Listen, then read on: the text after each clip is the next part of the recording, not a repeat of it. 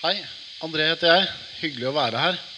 Eh, skulle egentlig ta, tatt et vers òg, men nå la jeg telefonen der nede. Og det verset husker jeg ikke i hodet.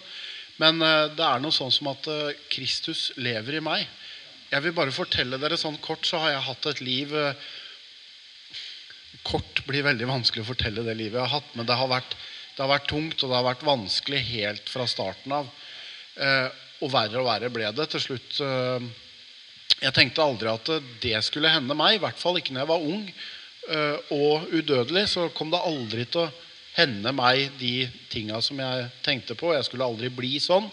Og så ble jeg da en av de aller verste og de tyngst belasta rusmisbrukerne som gikk i Tønsberg, som egentlig var oppgitt av alle. Eh, den lille familien jeg hadde igjen, hadde jeg ingen kontakt med. En datter som jeg hadde fått på veien her, hadde jeg valgt bort. Eh, alle sjanser som jeg har hatt, har jeg valgt bort fordi rusen hadde fått et så sterkt tak over mitt liv. Og jeg hadde prøvd alt. Og jeg hadde hatt lange opphold fra rus og kriminalitet for så vidt i, i mange år i fengsel.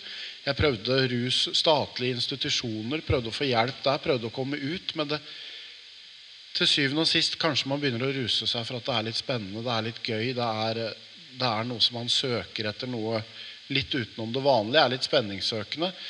Eh, men til syvende og sist så har livet blitt så vanskelig at det er eh, Grunnen til at jeg i hvert fall rusa meg, var for å kunne klare å komme gjennom en dag det å møte meg selv i speilet som nykter, det, det takla jeg ikke. Jeg klarte ikke å bære alt jeg hadde gjort, og det livet jeg levde, og, og se meg sjøl i øya, rett og slett. Og det, jeg prøvde å komme meg ut av det, og det gikk en liten periode, men det var, det var så mye frykt, og det var så mye angst, og det var så mye redsel, og det var så mange sår der som ikke ville lukkes, og som ikke ville slutte.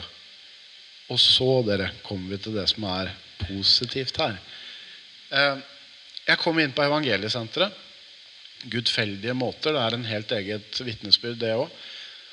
Eh, og veldig naturlig, så Det falt meg veldig naturlig veldig fort det å si ja til Jesus, selv om jeg egentlig ikke helt visste om jeg fullt ut trodde eller eh, forsto alt det her. Eh, men jeg sa ja til Jesus. Og døpte meg og, og, hadde en sånn flyt, men jeg fant det vanskelig, fant det vanskelig å lese i Bibelen. Hadde en permisjon der som skulle vare i fire dager. Den ble fire måneder lang og rett ut i rus igjen. Og, men fikk komme tilbake og fikk da en sånn åpenbaring over Gud møtte meg, og hvor Bibelen ble levende. Hvor den tidligere de første fire månedene var som å lese telefonkatalogen. Helt ærlig, så vanskelig fant jeg det. Men det ble levende, og det talte til meg. Eh, og nå har det gått eh, snart tre år. Og jeg hadde ingen forutsetning og ingen tro på at jeg skulle komme tilbake til et normalt liv. og sånn Bortsett fra en haug med tatoveringer og litt sånn robust utseende, så er jeg i dag en helt vanlig mann i gata. Jeg går på skolen på Østerbo, jeg jobber som frivillig på Østerbo for å være med og gi noe igjen. Jeg driver et eget lite firma. Og tro meg, alt det som at livet er sånn som Jeg holder på å ta lappen nå. Billappen. Får til og med lov til det. Endelig. Og blitt velsigna med en bil. Men ingenting av det jeg får til da, og det er det som er mitt vitnesbyrd, det er det at Kristus lever i meg.